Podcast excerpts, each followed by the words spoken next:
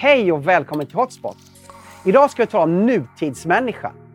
Varje tid präglas av sitt idémässiga klimat som sätter ett avtryck på majoriteten av befolkningen. Få är de som går den smala vägen och tänker själva och många är de som går den breda vägen och följer för tillfället populära tanken som dominerar tidsandan. Jag ska idag tala om tidsandan och nutidsmänniskan med psykiatrikern och författaren David Eberhard. David är också känd med att medverka i många poddar på sociala medier och är författare av bland annat böckerna Det stora könsexperimentet och I trygghetsnarkomanernas land. Välkommen att ta del av vårt samtal. Hej och välkommen till Hotspot, David Eberhard.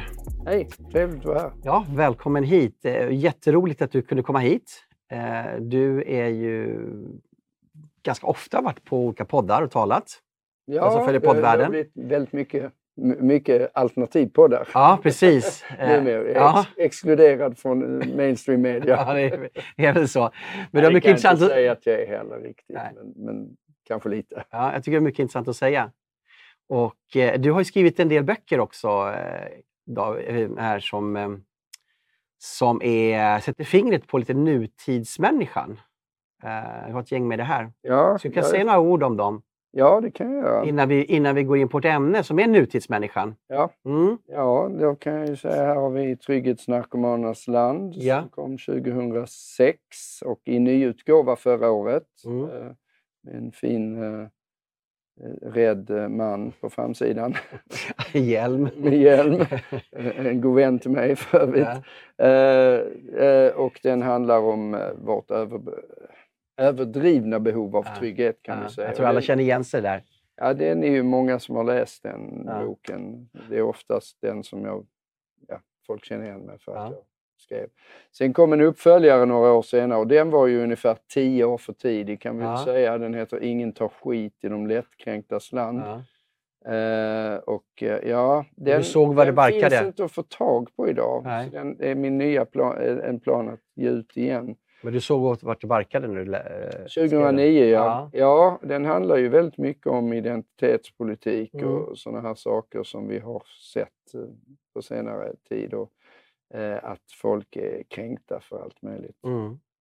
Eh, sen får jag ta dem i ordning så Mm. kom, den var ju lite då, stack ut lite så då tänkte jag att jag får skriva någonting som för tillbaka, men jag är ju psykiater så då Mm. skrev jag en eh, bok som heter Normalt som jag har noterat att väldigt många har läst på senare tid. Jag Mm. vet inte riktigt varför och det är jättekul. Eh, för vad handlar den om? Den är en, jag brukar säga att det är en psykiatrilärobok för Sveriges 10 miljoner psykiatriker. För väldigt många människor har väldigt mycket synpunkter och Mm. tankar om psykiatri, eh, vilket är ganska kul och är också rätt naturligt för det handlar ju om hur vi är som människor. Men, det, men de har ganska bristfälliga kunskaper. Så då tänkte jag, då lär jag upp dem. Så den här boken som då av vissa journalister har ansetts vara oerhört kontroversiell, Mhm.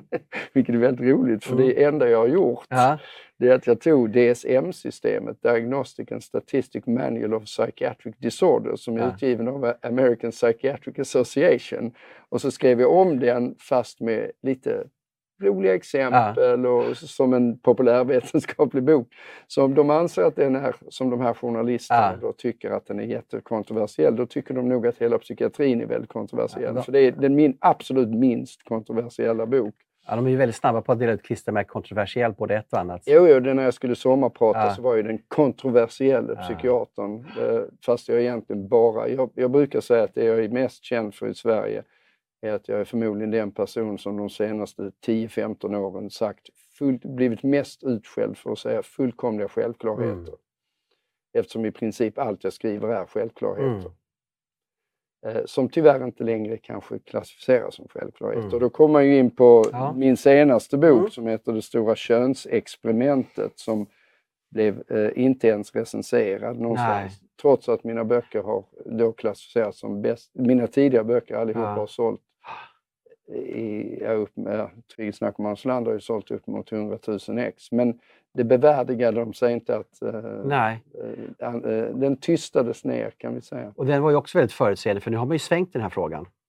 Ja, eh, och det kunde man ju egentligen se att man skulle göra. Eh, I, i, problemet är ju när det kommer till det här med genus och queer-teori och de här mm. identitetspolitiska eh, sektorna. Eh, det är ju att det här är icke-frågor för mm. all, all den normalbefolkningen, om vi säger så. 95 procent av befolkningen tycker att det här är ju trams. Mm. Eh, men de skiter i det eftersom mm. det är inte en viktig fråga. Så då har ju den här sekten kunnat hållas, eh, hålla på mm. i, i, bakgrunden. Och, och, nu Nina Rung som ska lära ut i, eh, om genus och, och queer-teori mm. till alla elever från förskolan. Visste du det? Ja, jag hört om det. Mm. Eh, att det står i nya läroplanen att mm. man ska, i alla ämnen, alla ämnen? Alla ämnen ska detta tas wow. upp.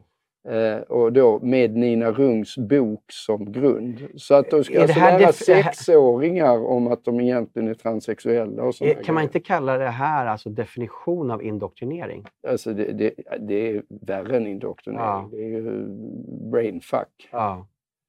Eh, så att, eh, och, och, grejen är att det här har ju varit en fråga som då har fått, eh, inte, ja det vet Anna-Karin ja. Windhamn och Eva Rappis bok, ja. den här genusdoktrinen det här har ju då fått pågå därför att folk helt enkelt...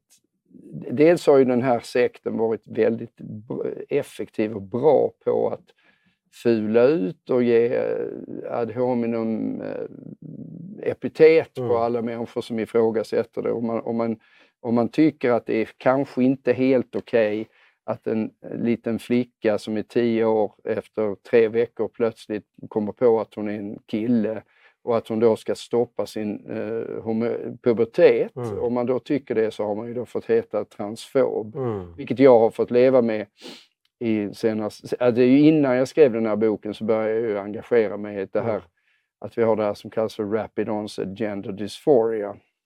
Som alltså inte är traditionell mm. könsdysfori mm. utan någonting som eh, som då kommer efter en lektion av Nina Rung eller någon. Så, mm. Och sen så sprider det sig ju så att alla eh, flickorna, det är oftast flickor, ja. eh, får det här. Det här är ju exakt samma person, personer mm. som för 20 år sedan var emos och skar ja, sig. Ja. Eh, men till skillnad från emos, det, det, tog man ju så att säga, såg man ju som det här är problematiskt men vi, det går över. Så har man här då från vuxen eh, samhället gått in med det man kallar för affirmativ behandling och säger ja, du säger att du är en eh, pojke, men då är du det och sen så stoppar man puberteten. Och på ett sätt, det är inte bra, det är fruktansvärt för de här eh, barnen som man ju riskerar att förstöra livet för. Och jag tror att våra barn och barnbarn kommer att döma oss hårt för det här. Men det som har varit bra med det är att det äntligen vaknar 95% av befolkningen. Mm. I, när, när man när man gör på det här sättet. Mm. Eller för den delen när eh, kvin, eh, transsexuella män mm. vinner OS-guld i simning och sådana här grejer. Mm. Då äntligen så börjar folk tänka att det här är inte bara en Monty Python-sketch, det här är obehagligt. Eh, så den kom 2018 eh, och eh, ja, ni får gärna köpa den. För mm. Jag tycker att den har, det är väl en av de som har sålt minst av mina böcker. Mm. Det är också mm. för att den blivit helt tyst. Ja, precis. Men i 2013 så har vi en annan, Hur barnen tog mm. makten. Det är den enda av mina böcker som jag översatt till en mängd olika språk. Mm. Eh, och så. Eh, men den handlar om barnuppfostran. Mm. Ja, bra. Allt det här återspeglar egentligen det vi ska tala om idag, tidsandan. Mm. Eh, och jag tänker på det här ordet tidsanda, det, det, är ju Hegel som talar om tidsandan, inte egentligen han som myntade, men han talar om tidsandan utifrån att tidsandan är ju en, en atmosfär som präglar filosofi, människors beteende, människors humör, ekonomi och så vidare. Och han talar utifrån det att man egentligen ska kritisera tidsandan för att inte svepas med utan, utan kunna ja, stoppa felaktiga beteenden. Um, och vi har en tidsanda idag och många av de som följer tidsandan kanske ser sig själva som väldigt progressiva och självständiga, att man själv har kommit på det här beteendet Eh, Medan man egentligen är en, en, Efterföljare. en efterföljare, en Ett Ja, Det precis. så, ja. Jo, jo, men det är som återigen, jag, jag, det är ju rätt intressant att när, man, när man pratar om nutiden så, så kommer man ständigt tillbaka Mm. till Monty Python. Mm. Eh, Jag nämnde Monty Python när det gäller det stora könsexperimentet, Mm, mm. för att där lever vi ju i en Monty Python-sketch. Mm. Men de hade ju en sån sketch i De Life of hade Brian, ja. ja. i Ja. Life of Brian Ja. med, med han som vill bli kallad Loretta. Ja, just det. Det var humor Mm. 1979 eller när den kom. Idag så är det ju verklighet. Verklighet. Ja. Men det finns ju en annan sketch, en annan scen i uh, Monty Python, Life of Brian, när, när de skriker eh, att, att, we, we're all, we, I'm, we're in, you're all individuals och alla skriker I'm an individual. Så, så hör man en kille som säger I'm not. Han är den enda som är individ, alltså, han är ju den enda som går emot flocken. Alla andra skriker att de är indi, indivi, ja, individer, men de är bara får, fårskål. Och det är ju samma med alla de här människorna som jag har kritiserat i, i samtiden. Som, som hela tiden får höra epitet om hur modiga de är. Ja. Men de, de, de skriker bara i kör. Mm. Eh, alla de här genus, eh, Mm. Nina Rung nämnde jag Mm. och, och de här modiga människorna Mm. som står upp för Mm. olika grejer. Mm. Men de står ju bara upp för det som fårskocken står upp för. Och de betalar ju inget pris utan snarare blir belönade för det. Ja, ja, så ja, att ja. det finns ju inget... Och det behöver inte innebära att de har fel. Nej. Det, det, i många, och det är det som är det. Om vi tittar på de här grejerna som alla mina böcker egentligen, så är det ju så att tar man i trygghetsnarkomanernas land, ja det är jätteilla med för lite trygghet. Så Mm. jag har ju all, men det är också så att när man skriver om det här då får man höra, du, du vill ju tillbaka till 1800-talet. Mm. Nej, jag vill inte tillbaka till 1800-talet. Men på samma sätt som att det är, det är fel med för lite trygghet så är det fel med för mycket trygghet. Jag Mm. brukar likna det vid blodtryck. Det är, det, det, är inte bra med högt blodtryck men det är inte bra med lågt blodtryck heller. Du ska ligga i mitten. Mm. Och det, är samma, det är klart att rättvisefrågan som jag tog upp, ingen tar skit, det är Mm. samma sak där. Att ett orättvist samhälle är ett dåligt samhälle.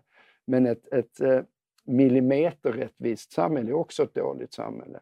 Och på samma sätt som man tar hur barnen tog makten så är det ju så att ja, det är inte alls bra med en helt föräldracentrerad uppfostran där bara föräldern får göra vad de vill och, och, och är typ diktatorer hemma. Det är, inte, det är inte jättebra för barnen om man är så auktoritär. Mm. Men det är inte särskilt bra att vara otroligt curlande heller. Och likadant stora könsexperiment är ju uppenbart att, att det är, jag menar går man hundra år tillbaka i tiden, det finns ju enorma orättvisor kring manligt kvinnligt och det sätt vi behandlade homosexuella eh, etc. Eller för den delen om vi tar det utifrån eh, etnicitet, hur, hur det har varit. Men det är en överkorrektion. Mm. Så att när vi då har uppnått ett jämställt, ett jämlikt samhälle så överkorrigerar vi det här tills det blir till absurditetens Mm. gräns. Men det är ju därför att det, det är inte de här första tänkarna, om vi tar queer-teori till exempel, det är ju jättesmart. Det var smarta individer som tänker ut det här att det finns en jätterolig, jag tror det är med Felix Herngren, Mm. där Felix, i, den här sketchen så är det så att alla är homosexuella. Mm. Men, men Felix måste komma ut ur garderoben för han är egentligen heterosexuell. Mm, Det blir väldigt, väldigt tydligt, väldigt eh, både roligt och, och skrämmande men också jättetydligt. Ja, vad är det som är problemet här? Att, Mm. eh, Alltså det här normkritik kan Mm. vara jätteviktigt och är jätteviktigt. Men när man, när man drar det till att alla är Mm. 53 olika könsidentiteter, då blir det ju bara absurt. Mm. Det, det, det, det, är fjantigt. Va? Man har överkorrigerat till absurditetens gräns, äh, Mm. gått över det som är egentligen... Jag såg någon, någon undersökning här i USA där med 40 procent av Gen Z identifierar sig som hbtq. Ja. Mm. Eh, Och vad nu Q är för Ja. någonting. Det, det, det är dessutom det är ingen som vet vad Nej. det är. Så att, ja. Ja. Men om du skulle ska säga, nämna några saker som du tycker liksom är det mest iögonfallande av våran tid, som du tycker liksom är vad ska jag säga, uttryck som egentligen kanske inte är eh, vad ska jag säga, överdrifter i våran tid som är liksom som en, som en nästan masspsykos. Ja, det är roligt att du nämner masspsykos. Ja. Jag och Ashkan Fardost, vi sitter ju nu med vårt nya... eh, Vi ska skriva en bok ihop som Mm. vi har som arbetstitel, en handbok om masspsykoser. Mm. eller för masspsykoser. Eh, Men, men ja, alltså det, är ju, det är ju jättemycket saker som, som i vår tid är... Jag nämnde ju, ju genus, eh, genusrörelsen är ju både masspsykos och sekteristisk. Eh, vi har ju eh, Black Lives Matter som, inte ens, eh, som blev någon jättestor grej i Sverige där vi inte ens har den Nej. typen av problematik. Mm.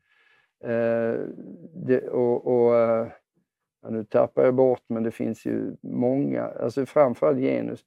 Sen har ju även klimat, klimatdebatten oerhörda övertoner av masspsykos, även om alla är överens om att ja, människan påverkar klimatet och det är inte något nå bra. Det finns, eh, om man läser IPCCs rapport så är, det ju, så är de ganska tydliga med att det blir varmare och Mm. det blir flera översvämningar. Men man är inte, då säger de att 98 procent av alla forskare är överens. Ja, de är överens om det. Mm. De är inte överens om alla de här eh, apokalyptiska scenarierna som, som, som då kan ske. Eh, Att vi är en eh, tipping point om tio år eller fem om tio år så är Ja. civilisationen Ja. död. Ja. Nej, det är de inte överens om. Det finns, inte, det finns ingenstans i IPCCs rapport om Mm. som säger så. Däremot att det här är ett stort problem som Mm. vi måste lösa. Är- ja, det är folk överens om. Men, men, så det finns ju oerhört mycket, mycket av det här masspsykosen i, i även den rörelsen. Mm. Jag går- eh, Och därmed också hela den här gröna vågen. Jag, jag, och, och det finns ju också, det, det är lite intressant när man pratar Mm. masspsykoser och vad vi ser, är ju att det finns ju en högerextrem, eh, ska vi säga, eh, masspsykos. Alltså det finns ju den här, ska vi säga, eh, auktoritära, totalitära strömningen som man Mm, ser i, mm. i stora delar av eh, västvärlden eh, med Trump och Marine Le Pen och delar av det kanske även är applicerbart på Sverige. Eh, även om jag tror att väldigt mycket av Sverigedemokraternas framgång är ju att man har försökt ignorera dem. Hela svenska folket har ansett att vi ska, med en stor majoritet i 30 år, ansett att man ska begränsa invandringen Mm. mer än vad man har gjort. Eh, Men eh, eliten, om vi Mm. säger så, framförallt media då, som har styrt politikerna, som inte representerar eh, vad, vad människor i allmänhet tycker, utan väldigt tydligt är helt ur fas med vad människor tycker. Och så har man försökt bara, ja men tycker Jimmy Åkesson att äpplen är gott så är äpplen äckligt. Mm. Så har man fortsatt med det här och det är klart att då får du den effekten. Mm.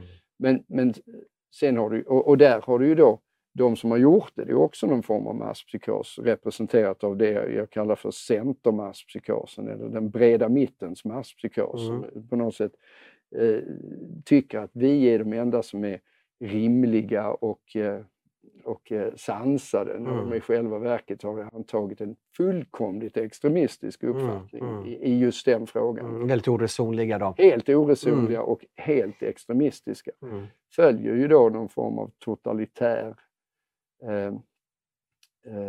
strömning egentligen. Mm. Eh, fast kallar det och, och, och presenteras också av media som att de är väldigt sansade. Mm. När de i själva verket är ett superextremistiskt parti. Men blir det inte lite grann så också när du kör olika narrativ som blir väldigt mycket top-down? Där, där man vill tvinga på människor ett visst narrativ och, och då skapas den här formen av polarisering också där, där, där insatsen höjs hela tiden från båda sidor. Ja, och det är ju lite intressant nu när det blir ett maktskifte då. Ja.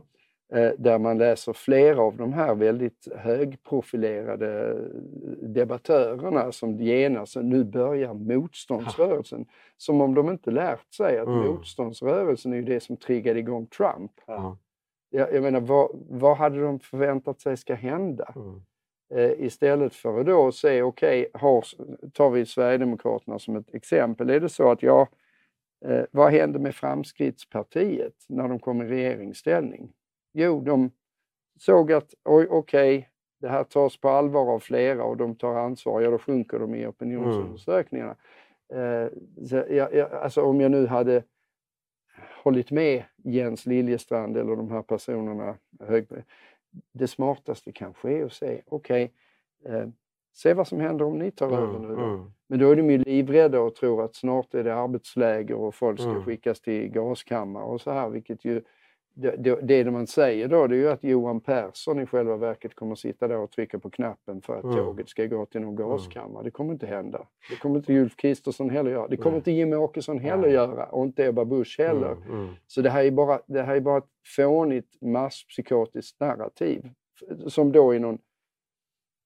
I, i, i det, det, det intressanta tycker jag i nutiden det är ju att hur eh, vi, vi, vi kommer från en, en, en situation, i, folk vill gärna prata 30-talet. Mm. Läser du Per Svensson så har det, hakade han ju upp sig i DN, 30-talet. Snart har vi 30-talet, 2030-talet. Mm. Mm. det är det närmaste 30-talet vi är. Men, men, men, men, där man då varnar för rasismen, man varnar för sexismen, man varnar för de här grejerna. Men de som egentligen är antidemokratiska här. Det är ju antirasisterna, ja. Antisexisterna. Genus, de, de företräder ju, och det tycker jag också är intressant när man tittar på historia, vad man lär sig av historia. Det är ju att, ja, antidemokratiska rörelser, de, de kommer inte i samma form. De kan mycket ofta komma i motsats, på, återknyta till Hegel. Mm. Så den här antidemokratiska strömningen, det som är antidemokratiskt i Sverige, det är ju sådana här oxymoronuppgörelser som januariöverenskommelsen. Mm. Det är antidemokratiskt. Man säger att historien upprepas inte, men den rimmar. Att man kan se liksom, de här egenskaperna som du nämner, då, antidemokratiska egenskaper. Etiketten kanske inte är samma man kan se beteendena. Ja, Just man inte respekterar folkets vilja, man driver igenom ett top-down-projekt. Mm. Och folk reagerar emot det och då, då liksom skruvar man ut tumskruvarna ännu mer. Mm. Ja, men, ja, men det, det, det, är precis det. Det blir mm. ju den här antites, antites, mm. syntes. Och det ser man ju även i den här, ska vi säga, eh, det, det, det, det, är också den här, vad kallas det för, presentism. Eh, att, att man dömer eh, historien utifrån nutiden. Mm. Det är ju jättevanligt i de här eh, woke-rörelserna. Ja, ja. Att, att, man, att man då tänker att hade jag bara levt på 1700-talet så hade jag varit superwoke och då hade mm. jag ju haft homosexuella mm. vänner och jag mm. hade frigjort slavar och mm. så här. Nej, det hade du inte gjort. Det, det, det, där, därför att du har visat idag att du har otroligt antidemokratiska, eh, eh en antidemokratisk eh, ska vi säga, ryggmärgsreflex. Mm. Så du skulle förmodligen varit följare. Är du följare idag på det här genusnarrativet, mm. då var du förmodligen följare under nazisterna också. Mm. Jag, jag tänker på, apropå det du talar nu om, så förr i tiden satte man ju en ära i att möta sin meningsmotståndare. Mm. Och att det fanns en nyfikenhet att höra dina argument och kanske det finns någonting jag kan lära mig av dig. Mm. Plus att när jag möter dig i, mina, i, i, i, en debatt, i ett samtal, så vill jag övertyga för att jag har bättre argument. Mm. Um, jag kan tycka att i våran tid så finns det inte det här intresset och nyfikenhet att mötas som meningsmotståndare, utan man fultolkar, Ja, det, det, är väldigt påtagligt för att återigen mm. återknyta till det stora könsexperimentet så är den här genusströmningen eh, är ju av, eh, alltså det är egentligen en i grunden, det får man också, det är också lite kul när jag skrev i Stora könsexperimentet mm. om postmodernismen som det är en populärvetenskaplig bok. Då, då får man bara höra, du vet, du har helt missförstått allt. Du, du har mm. minsann inte för 60 poäng i postmodernism. Mm. Du kan inte veta mm. något om Foucault eller mm. Derrida eller så här. Nej, du vet ingenting om det här. Eh, och egentligen är grunden i det här är ju att om allting, om, om vi har en normkritik av mm. allt eh, som bygger på det, det, roliga är ju till exempel genusteorin som då bygger på att ja, eh, vi vet att det finns inga kön, eh, förutom att det ena könet är sämre än det andra, det vill säga mm. män då för att mm. de är högre eh, i den här maktpyramiden. Så de är ju sämre, fast det finns egentligen inga kön. Nej. Så det är ju en, det är en, eh, självmotsägelse redan från början. Plus att det dessutom är, det finns inget fakta. Mm. Förutom det fakta att det inte finns någon fakta. Mm. Vilket ju uppenbarligen är fakta då, så det faller ju på sin egen Mm. orimlighet.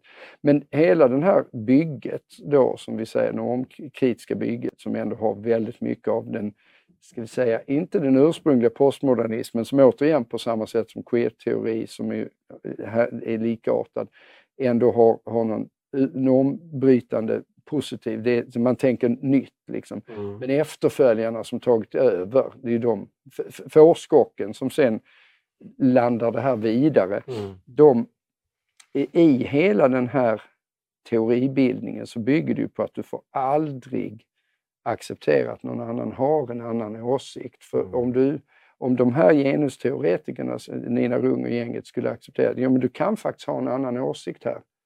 Eh, då har du ju gett dem eh, då har du ju gett dem någon plattform, då, då, då, då kan du diskutera. Så all form, det är också därför jag tror det stora könsexperimentet överhuvudtaget inte ens recenserades. Mm. Så du kan inte ens ge den att, jo men du kan nog tycka på det här sättet. Utan det, det, det vill säga du avfärdar, så när du är en lägre stående människa, du, du kan inte anta den här hållningen för att du, då kan jag inte prata med dig. Ja, just det. Men jag tänker om, om man nu inte tror på att det finns något objektivt utanför dig och mig Mm. som vi kan förhålla oss till och så kan visa någon av oss eller båda fel eller båda delvis rätt. Mm. Utan jag bara har mitt narrativ. Mm. Nej, men du kan, inte, du kan inte köpa det i den här, i den här ska vi säga, teorigrunden så Ja. kan du inte ge någon delvis rätt. För har du gett dem delvis rätt så har, de, då har, du, då har du ändå sagt att det här är någonting att diskutera. Men det, det här är ju en diktatorisk eh, Mm. rörelse som inte vill diskutera. Du kan inte diskutera huruvida det är en lämplig eh, strategi att hjärntvätta våra barn med att diskutera eh, porr och eh, sexualitet och i- genus och transrörelsen på varje lektion Mm. i hela, eh, hela skolan. Eh, från eh, förskola upp till årskurs tre på gymnasiet. Det kan du inte diskutera därför att om jag skulle då, skulle Nina Rung acceptera att jo, men det här är någonting vi faktiskt bör Eh, Det kan man ha olika uppfattningar om. Mm. har hon ju legitimerat att det kan finnas en annan uppfattning. Men i hennes värld finns det ingen annan Mm. uppfattning. Det, det här är den enda, enda sanna läran. Det stora språnget. Mm. Maos Kina. Ja. Det finns bara en sanning. Och det här är ju då som Och du... den sanningen är att det finns ingen sanning. Ja, just det. Det är helt bisarrt. Ja, och det här är ju en totalitarism som du talade om. Absolut. Jag stötte på en text här nyligen av eh, Mattis Desmet, tror jag hette. Eh, där han, han har skrivit en bok som heter The Psychology of eh, Totalitarianism. Det. som egentligen bygger då på eh, Hannah Arendts The Origin of Totalitarianism från 1951 och Gustav Le Bon från 1895 som heter Massans psykologi. Eh, där han Jag har menar... beställt den boken inför vår Ja. ja. Min och Ashkan Fardost eh, bok. Så Ja. Jag har den hemma men jag har inte hunnit läsa. Okej, vad kul. Ja. Ja, men, eh, han, han menar ju då att om, det är främst, om 30 procent av en befolkning går in hardcore för någonting, Mm. kompromisslöst, Mm. och får någon form av makt, som i, som i Nazityskland eller i Mm. Sovjetunionen, Mm. Så kommer två tredjedelar av de övriga bara anpassa sig därför att de är inte övertyg, drivna av övertygelse på det sättet utan man, man, man vill bara leva sitt liv. Och, Jag skulle säga att det, det räcker med 4-5 procent Ja. om frågan inte är, handlar om eh, vatten och bröd. ja, Alltså, ja, du vet eh, sjukvård, skola, omsorg. Men, Ja. men om vi tar de här frågorna, det räcker 4-5 procent av befolkningen som går hardcore för det. just det.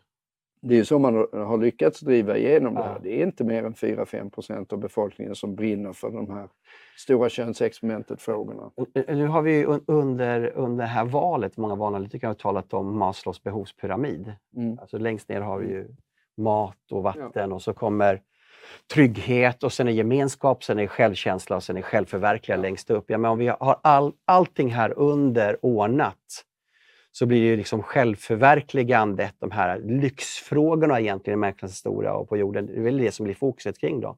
Mm. Ja, ja, men så är det ju. Och det var ju lite kul. Jag, I Svenska Dagbladet skrev Mm. Peter Wemblad, jag tror det var igår, Mm. jag vet inte när det här sänds, men det är inspelat den 20 september, Mm. så om det var igår eller i förrgår, eh, så skrev Peter Wemblad som är ledarskribent på eh, Svenska Dagbladet om just, just det, han touchade den frågan att om vi tittar på valet Mm. så är det ju som, han, han travesterade ju Anna Kinberg Batras beryktade när hon sa att stockholmare är intelligentare än eh, Lantisar. lantisar Ja. och sa att nej, det är tvärtom. Det är lantisar som är intelligentare än stockholmare, Ja. var hans eh, devis.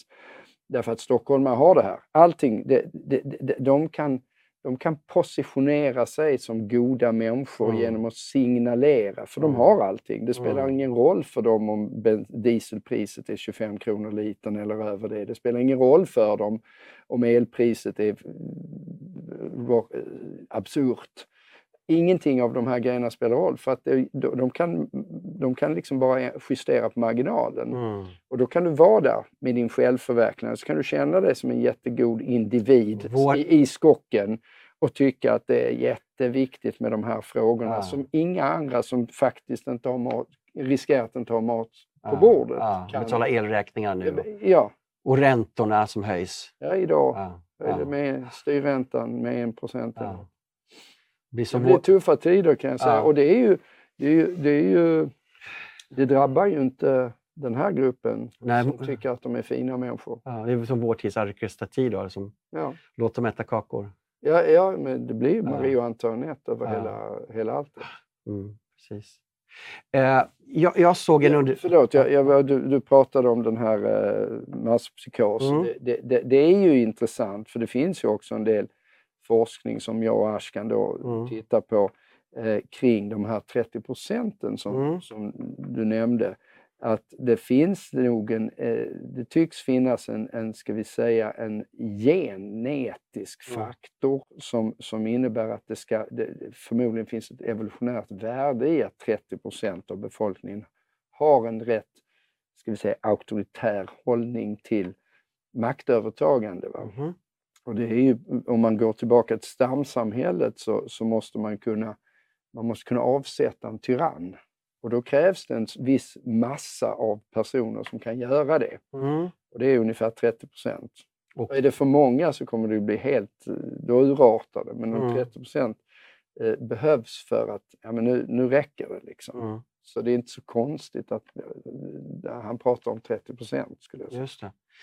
Eh, han menar ju också då att i och med att vi har en demokrati och politiker är tvungna att få med sig en majoritet så försöker man också då manipulera och få med sig de här 30 procenten på sin sida eh, och, och använder masskommunikationen då för att uppväcka de här 30 procenten att vara drivande med de frågor Och, man och kan det driva. kan du vara mer eller mindre skicklig på. Ja, Eller så använder du dig av eh, att du försöker, eller så har du tur, du använder dig, om vi säger så här 20% röstar på ett parti som då fulats ut Ja. eh, som högerextremt. Ja. och hur lyckades de med det? Ja, det var ju inte Sverigedemokraterna som hade mass, masskommunikation. Nej. Det var ju de som försökte fula ut dem Ja. som fick upp siffrorna. ja, Att de inte ens fattar det, just det det. är ju intressant.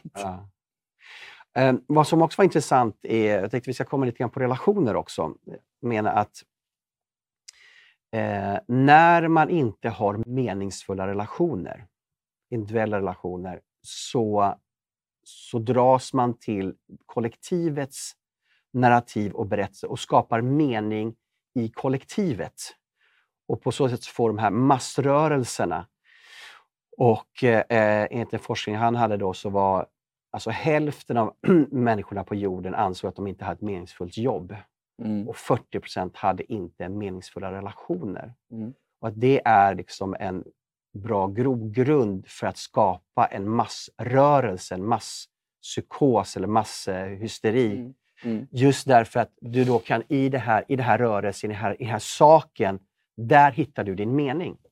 Ja, och, och det är som Viktor Frankl, en österrikisk eh, judisk eh, psykiater som skrev Livet måste ha mening. Han Mm. satt själv i koncentrationsläger och eh, eh, menade ju att han överlevde koncentrationsläget genom att hitta mening, mening i, det menings, i lidandet, mening mm. i, i det meningslösa så att säga. Så att det här är en, en grundläggande drivkraft hos människan att hitta mening. Mm. Och hittar du naturligtvis, det är ju helt tänkbart scenario att hittar du inte mening i dina sociala relationer, mm. Hittar du inte mening i ditt jobb, hittar du inte... Mm. Och, och, där, där är ju den sekulära samhället problematiskt, mm. även om alltså det, det, det, det, finns ju också att du hittar mening i religiositeten, mm. livet efter döden mm. och sånt Men har du svårt att göra det är det klart att du är väldigt benägen, eller risken är stor att du hittar mening i någon form av sak, sak mm. eller ideologi mm. som, är, är, är, som driver dig. Så mm. Men, alltså, jag tänker också på att um, det här med relationer så, så var det, jag tror det var Goldman and Sachs, eller vad Stanley Poor, nej förlåt, det, det är en index. Eh, det var någon av investmentbankerna i alla fall. De eh, tittade lite grann på, undersökte vad man kallar för she economy. Och då ser man att en prognos som de gjorde att 2030 så kommer 45 procent av alla kvinnor mellan 22 och 44 vara singlar. Mm. Och sen har vi också en... Hur procent sa du? 45 procent i Amerika. Ja, vi behöver inte klimatkrisen för, att, för att mänskligheten ska Eller hur? och sen har liksom incels och så har du MGTOWs, ja, ja. men who go their own way. Jag tror att den största incelgruppen på Facebook i världen per capita är faktiskt i Sverige. Mm. Eh, att vi ser liksom att, att familjen glider isär. Eh, folk skiljer sig. Mm. Barn växer upp med olika bonusföräldrar och bonussyskon. Eh, många är singlar. Det här måste ju också vara en grogrund för liksom de här massrörelserna med också meningslöshet i relationer. Ja, absolut. Eh, det är ju, alltså ensamma människor är ju, måste ju hitta någon form av annan mm. gruppering naturligtvis. Så är det. Men jag, jag bara kommer att tänka på, det är jätteintressant det här eh, eh, det kommer ju se likadant ut i Sverige om det inte sker någon väldigt stor förändring. För om du tittar på hur eh, tjejer och killar mm, röstar mm, så ser du att det här kommer, om vi nu säger politik, mm, inte allt här i världen, men det är klart att du har ju ideologiska, de ligger så långt ifrån varandra så det, ja. det, är ju, det skulle ju vara helt olika styre i det här landet ja. beroende på om det är bara pojk, män eller bara ja. kvinnor som röstar. Dock är det ju lite intressant med mm. ungdomarna, mm, förstagångsväljarna. Mm. Jag tror att de har fått woke nerstoppat i halsen, mm. sen, och det vet jag att de har för jag har nio barn och jag vet att jag har läst deras läromedel det, det, det, du, du, vet, du pressar ner hjärntvättande mm. av det här woke-rörelsen och genustrams. Du, du kan inte läsa en kemibok på högstadiet Nej. utan att du tar med någon kvinnlig labbassistent mm. från 1800-talet mm. och så hoppar du över typ Becquerels ja. som inte nämns fast ja. det var liksom kanske den väsentligaste personen under hela 1800-talet ja. som upptäckte radioaktiviteten. Han finns inte med i boken, Nej. men någon lab, kvinnlig labbassistent. Det här har våra barn fått höra. Mm. Och du ser det också hur de röstade förstagångsväljarna. Mm. Och ännu tydligare... 60 SD, M, KD. Ja, och likaså var det skolvalet där och ännu tydligare. Ännu, ännu tydligare ja. skolval. Det här kommer bli ännu mer. För ja, det är ju så att ja. ungdomar gör uppror mm. mot rådande norm. Mm. Rådande norm nu är normkritik. Mm. Jag tänker på den här oresonligheten som vi pratar om nu. Eh, jag tycker man kan se hur den sprider sig mer och mer i det politiska samtalet. Att, att det, här, det goda samtalet finns inte på samma sätt närvarande. Alltså, vänstern har ju drivit väldigt mycket, pekat ut, fulat. Men också även högern tycker jag liksom börjar eh, ta till sig det här att man inte är nyfiken på den andra sidan och, och, och som vi talar om, att man fultolkar, man är aggressiv. Hur ska vi kunna ha en demokrati, David, om vi inte kan sätta oss ner och säga att vi har någonting gemensamt som är större än min ideologi, din ideologi. Vi har liksom en, ett samhälle, vi har ett land som vi tillsammans ska bygga upp det första som jag tänker på där är ju tid. Ja. Eh, det, det är ju rätt intressant. Jag höll ju ett sommarprat 2018 eh, och då fick jag sen vinterprata som vissa fick göra. Och då, alltså, man, det är inte så känt de här vinterpraten, men mm. mitt vinterprat handlade ju om det stora könsexperimentet och manligt kvinnligt. Och Eh, vad jag gjorde då, som jag tror var ganska unikt, det var att jag bjöd in Martina Montelius eh, att prata i, samtala med mig i mitt vinterprat. Efter, mm. Anledningen till att jag gjorde det, det var att hon hade gått ut och skrivit någonstans att det som gjorde henne mest förbannad i hela världen, det, det är många saker som kan göra en förbannad i världen, mm. kan man säga. det var David Eberhard. Mm. Och då bjöd jag in henne och det var ett jättebra samtal, men vi hade också gott om tid. Mm. Och, och, och, och, jag tycker att media, alltså traditionell media bidrar väldigt mycket till det tråkiga, det dåliga samtalet där man har man bjuder in folk att samtala fast de skriker på varandra. Man har mm. 15 gäster mm. samtidigt som har två minuter som ska ta sina talking points. Mm. Eh, Medan där alternativmedia eh, bidrar med något helt annat. Och jag har faktiskt föreslagit det här för företrädare både för Sveriges Television mm. och Sveriges Radio. Sveriges Radio har lite mer av det här, men Sveriges Television skulle ju, jag tycker att då har man ni, nästan 9 miljarder av våra skattemedel och det kan man tycka vad man vill om. Mm. Och många vet nog vad jag tycker om det. Mm. Eh, men, men, men om vi nu har det, det vore ju förnämligt att ha den här typen av samtal som mm. vi har, kanske med någon Martina Montelius mm. också. Mm. Att då sända på Sveriges Television två timmars samtal. Eller att partiledarna istället för att stå och bjäbba i tv-sändning i, i 50 minuter, de får två minuter och börja skrika på varandra. Du gör det här och hur talar du? Eller vad Annie Lööf sa till Jimmie Åkesson. Sätt de två människorna i en timme och prata med varandra om du hade den typen av, av eh, medialt mm. forum mm. så skulle vi se ett annat eh, gott samtal mellan, mellan de olika företrädarna. För att du, du, du kommer inte undan mm. med att, att, att, skrika nazist eller mm. fascist eller mm. kommunist till någon eh, i ett två timmar långt samtal. Du, du, du, kan göra det första fem minuterna men sen mm. måste du börja prata. Och det tror jag det saknar jag i svensk eh, media. Det är som bara på Youtube du kan mm. se, de har, jag menar det, det, var ju den här Sam Harris och Jordan Peterson. Ah. Med, med en moderator som Douglas Murray i Irland och, och Brett Weinstein i Vancouver. De, de sände två gånger två timmar mm. och fyller en teater som är stor som Globen. Mm. Det finns ett enormt intresse av att ha intellektuella, långa samtal. Mm. Och är det någon som borde göra det här så är det public service som mm. inte ens är beroende av reklamintäkter. De kan ha väldigt få tittare och ändå göra det här. Mm. Så jag, jag, jag, jag tror att det skulle ändra väldigt mycket av det det här om man faktiskt tog till sig det. Men istället kör de sina slottar där, där mm. de ska mm. sitta. Du ser, jag har ju varit med i Nyhetsmorgon, TV4 och det här vad det heter på SVT. Du får fyra minuter. I bästa fall så, så och det lär man sig ju också, då ska du säga samma sak tre gånger ja. så att du får i alla fall det sagt. Och det är ju så. Och sen det här med, med vänstern har ju ägnat oerhörd tid åt att eh, nazifiera och rasistanklaga högern. Eh, och högern har ju, det är lite som jag tror det var eh, Hanif Bali eller någon, eller om det var Aron Flam som sa, det går inte eh, att det, det, om den ena sidan kommer med en bazooka mm. till, till, till slagfält, du kan inte svara med en slangbälla, vilket högern har gjort. Det är mm. den vuxne i rummet. Till mm. slut så hamnar du i att då du tvingas in i att, speciellt då på Twitter eller sociala medier, att, att, att svara med samma mynt. Mm.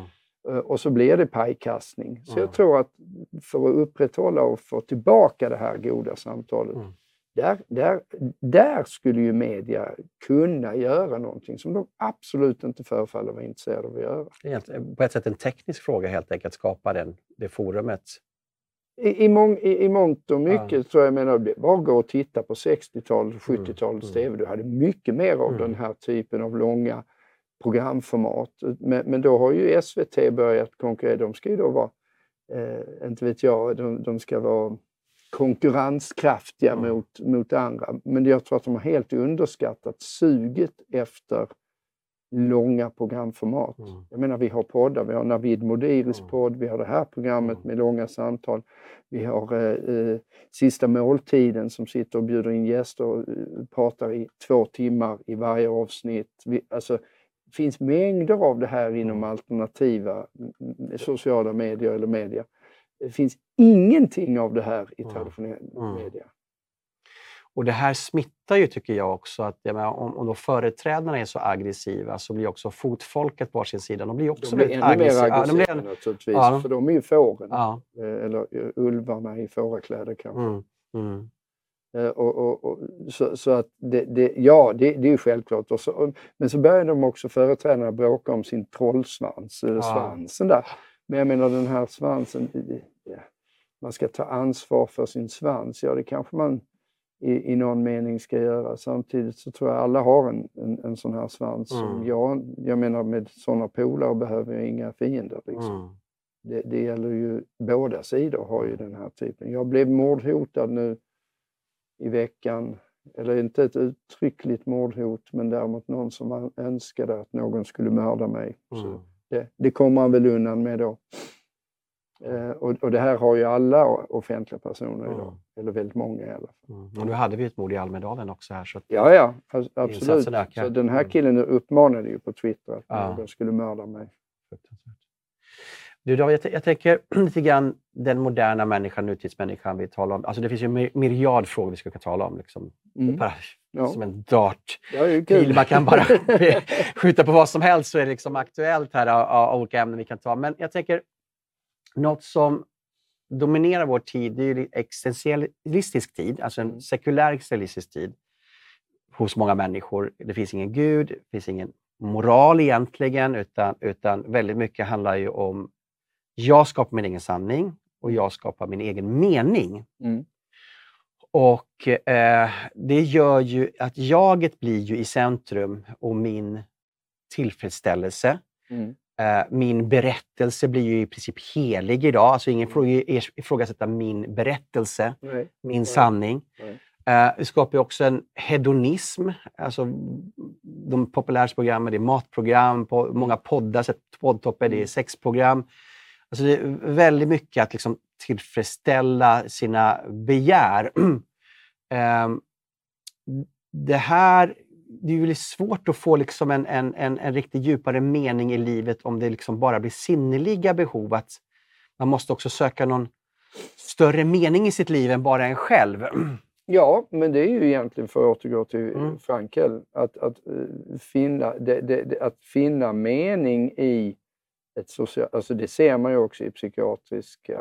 Alltså du ser det här i studier. Vad är det Ja. som ger eh, mening? Jag hade ju i min podd Hälsa för ohälsosamma som jag hade fram till i årsskiftet, eh, alltså 2022. Eh, då hade jag ju Stefan Einhorn som gäst. Som vi pratade mycket om livets mening. Eh, och och vad, vad är det som gör att man mår bra? Ja. Det, det, det är ju det här hedonistiska i, i all ära, men det är väl som eh, nu kommer jag inte ihåg vem det var som eh, formulerade det först, men att, eh, en, eh, att, att söka lycka hela tiden, att det är som att ha orgasm hela tiden, till slut så är det inte, en, det, det är inte ens njutbart. Eh, men, men, eh, men den här, alltså när man bara söker någon slags Mm. tillfredsställelse hela tiden, eller ska vara lycklig och så ska Mm. du så här, söka det här. Eh, och det, det, det man ändå ser i forskning avseende det här, det är ju det som gör att människor mår bra i stort, är känsla av socialt sammanhang, ett Mm. stort socialt, Mm. det finns något större. Eh, det är att göra saker, det vill i sig tangerar eh, hedonism, att man, att man upplever att man är duglig och gör bra saker eller att man gör, eh, återigen lite tangerar individualistiskt, att man ändå är, gör saker man tycker om. Så att säga. Så det finns ju lite av det här som Mm. ändå ingår, men också den här stora känslan av socialt sammanhang. Mm. Eller som Stefan Einhorn också hänvisar till, flera studier som visar att det som egentligen är allra bäst är att vara eh, generös och givmild mot andra. Och det kan ju handla om pengar eller det handlar om tid eller det handlar om uppskattning. Att man, att man ger till andra tycks vara det som vi människor faktiskt på gruppnivå tycks må allra bäst av. Mm. Det är så att de här som sa att det är inte roligt när tomten kommer till barnen. Nej, du ska inte bli glad för present, du ska vara glad för att ge present. De hade en viss poäng, Ja, åtminstone för vu- eh, vuxna människor. Du är psykiatriker. Tycker du att det här bekräftas i de patienter du möter? Jag tycker det är väldigt tydligt att eh, väldigt många patienter har problem. Alltså det är klart att människor som är ensamma, som har Mm. svårt med eh, sociala sammanhang. Sen är det alltid svårt med vad är hönan och vad är ägget. Eh, för det är också så att ju mer nedstämd du är, desto svårare blir det att ha de här sociala eh, sammanhangen på grund av att du mår dåligt. Men sen ju färre sådana du har, desto mer nedstämd blir du. Så det blir ju liksom en, Mm. en, en rundgång i det här. Mm. Men, men det, är ju, det är ju så man jobbar i modern psykoterapi, att, att försöka hitta de här sociala sammanhangen, försöka hitta meningsskapande eh, både aktiviteter men också meningsskapande intellektuellt utbyte. Mm, eller, mm. Så att säga att man, eh, för människor som inte mår bra. Så, så det är ju så, det skulle jag säga helt i linje med, Mm. med, med det jag ser i mitt jobb. Jag tänker på politiker där, de, de tittar ju mycket på alla möjliga eh, insatser man ska göra och det är socialen ska få mer pengar och eh, vi ska ha mer poliser och mm, absolut finns det en mening i det tycker jag. Men i slutändan och mycket av de sociala problem vi har i samhället är, är, är inte det att man också ser att familj och släkt, släkt rycks upp. Jag tänker både bland etiska svenskar men också kanske man flyttar från ett land där man haft en stor släkt omkring sig, kusiner och allt möjligt och så kanske man kommer hit ganska ensam. Att man rycks upp från sina sociala skyddsnät och, och, och, och liksom meningsfulla relationer. Jo, men meningsfulla relationer är ju oerhört väsentligt. Mm. Eh, Och det gäller både vänskapsrelationer Mm. och, och, ska vi säga, eh, parrelationer. Och, och, och, och, och sen ser man i och för sig, där finns en del på tal om att vi, vi, vi, vi, är, vi är lite olika mellan könen. Mm, Det mm. tycks vara viktigare för kvinnor än, än män utifrån hur, hur man eh, ser på hur, mående. Mm. Att vara ensam är därmed inte sagt att det inte det är viktigt för män, men Mm. det är ännu, tycks vara ännu viktigare för kvinnor som dessutom generellt på gruppnivå är bättre på Mm. att upprätthålla sociala relationer. Men, men eh, det här är det är det som det handlar om att vara människa, hitta mening i livet, Mm. hitta sociala sammanhang, hitta relationer eh, överlag, även parrelationer. Att, att finna någon högre mening som jag var inne på tidigare, alltså, eh, är, är ju ett sätt att göra, göra detta. Och- det är klart i den existentiella världen, exis- existentialismens värld, så finns det inget annat än du, du, du. Mm. Eller jag, jag, jag. Mm. Och det är eh, svårt att hitta den meningen. Det är inte omöjligt. Mm. Men det är svårare. Det är svårare. Om jag söker bara mitt och du söker bara ditt så Ja. ska vi kunna liksom... Ja, Jag söker att du ska överlåta till mig men jag kanske inte vill överlåta mig till dig på samma sätt. precis. Ja. Och dessutom så har vi ju också lärt oss att vi inte behöver det. Nej. Vilket vi behöver. Mm, just det. Eh, jag tänker på en annan sak, jag vet inte vad du säger om det, men att vi har vant oss av med döden eh, i våra samhällen. Förr i tiden så dog man mycket yngre, barnen måste dog. jag ta upp den här boken. Det här skrev jag Okej. 2006 Ja. i Trygghetsnarkomanernas land. Att, eh, vad är meningen med döden? Ja. Det finns i den existentialismens värld finns det ingen mening med döden. Nej. Det, det, det är, detta är ju essentiellt. Man kan ha väldigt mycket synpunkter på eh, en mängd, eh, ska vi säga, fanatiska religioner. Eh, Men det finns en absolut mening med döden. Man kan Mm. begripa en självmordsbombare för det finns en Mm. mening med döden. Mm. För oss är det helt eh, eh, eh, det, det, det, skogstokigt eftersom vi, har, vi ser ingen mening med döden. I den enormt sekulära världen så Mm. finns det ingen mening med döden. Och det är eh, dels det, Mm. men också det som jag inleder min första bok när jag, min, eh, vi har ju också skuffat undan döden. Ja. Jag, jag tror att jag, när jag var 12 år gammal så dog min farmor och jag fick som 12-åring inte vara med på begravningen Nej. för det ansågs på något sätt vara jobbigt för barn. Ja. Så jag, när jag var, hur gammal var jag? 20, nu måste jag tänka efter, men 20, drygt 20 så, så eh, fick jag och min dåvarande flickvän, eller, eh, vi, vi, vi, fick ett, vi skulle för, vi, hon väntade barn Mm, och så mm. dog barnet. Det är förordet till ett Mm. Vilket snack mångas land.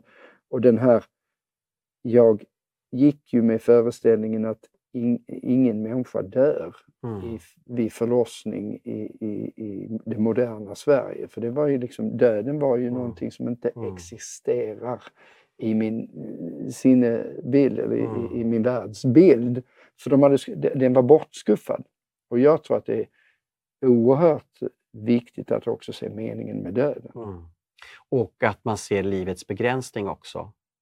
Ja, Livet, är, livet är begränsat, jag är begränsad, min tid är begränsad, exakt. andras Och det tid behöver omkring inte mig är innebära att begränsad. man är religiös, men Nej. man måste hitta Mm. den mindsetet Mm. och se vad är meningen med döden i det sekulära samhälle vi lever i? Jag, jag var i Krakow i somras här nu och då ser man liksom i de här katolska kyrkan ser man ibland dödskallar och benknotor och man tycker liksom, jag alltid tycker det är lite bisarrt sådär.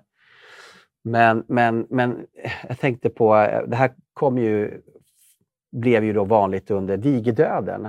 Att på något Mm. påminna människan om livets bräcklighet och Ja, eh, beg- begränsningar. Så Och jag fick bara en ny mening då när jag såg det. Ja, jag tror att den nya generationen kommer att vara bättre på det här. För Ja. de har varit, vi har covid, Ja. vi har kriget i Ukraina. Alltså Mm. det, är tyvärr så att eh, eh, livets obehagliga realiteter, hur obehagliga de än är, lär oss en hel del. Mm. Och också då kanske påverka politiken, för då är det så att vi kan göra allt. Vi kan ändra klimat, vi kan ändra allt. Mm. Liksom. Vi, har, vi har makten till allt, vi är Gud. Va? Mm. Men när man inser att, att döden begränsar mig och begränsar oss, Mm. så liksom förstår man också livets begränsningar. Att man, man kan inte påverka allting. Mm. Jättebra David, tack att du kom hit. Tack för att Eh, jag fick komma. Det var väldigt trevligt ja. samtal. Och eh, det här konceptet, ta det till SVT. Ja, vi får hoppas att de... Jag tror att de kommer ta det med tiden. Eh, Jag, jag tror att ja, alternativ media går tycker- före. Ja, nej men alltså, det är en för, jag för, hoppas verkligen att de gör det. Och jag har Mm. som sagt tipsat om det här flera gånger. Mm. Tack så jättemycket David och tack du som har lyssnat också och eh, välkommen tillbaks nästa vecka.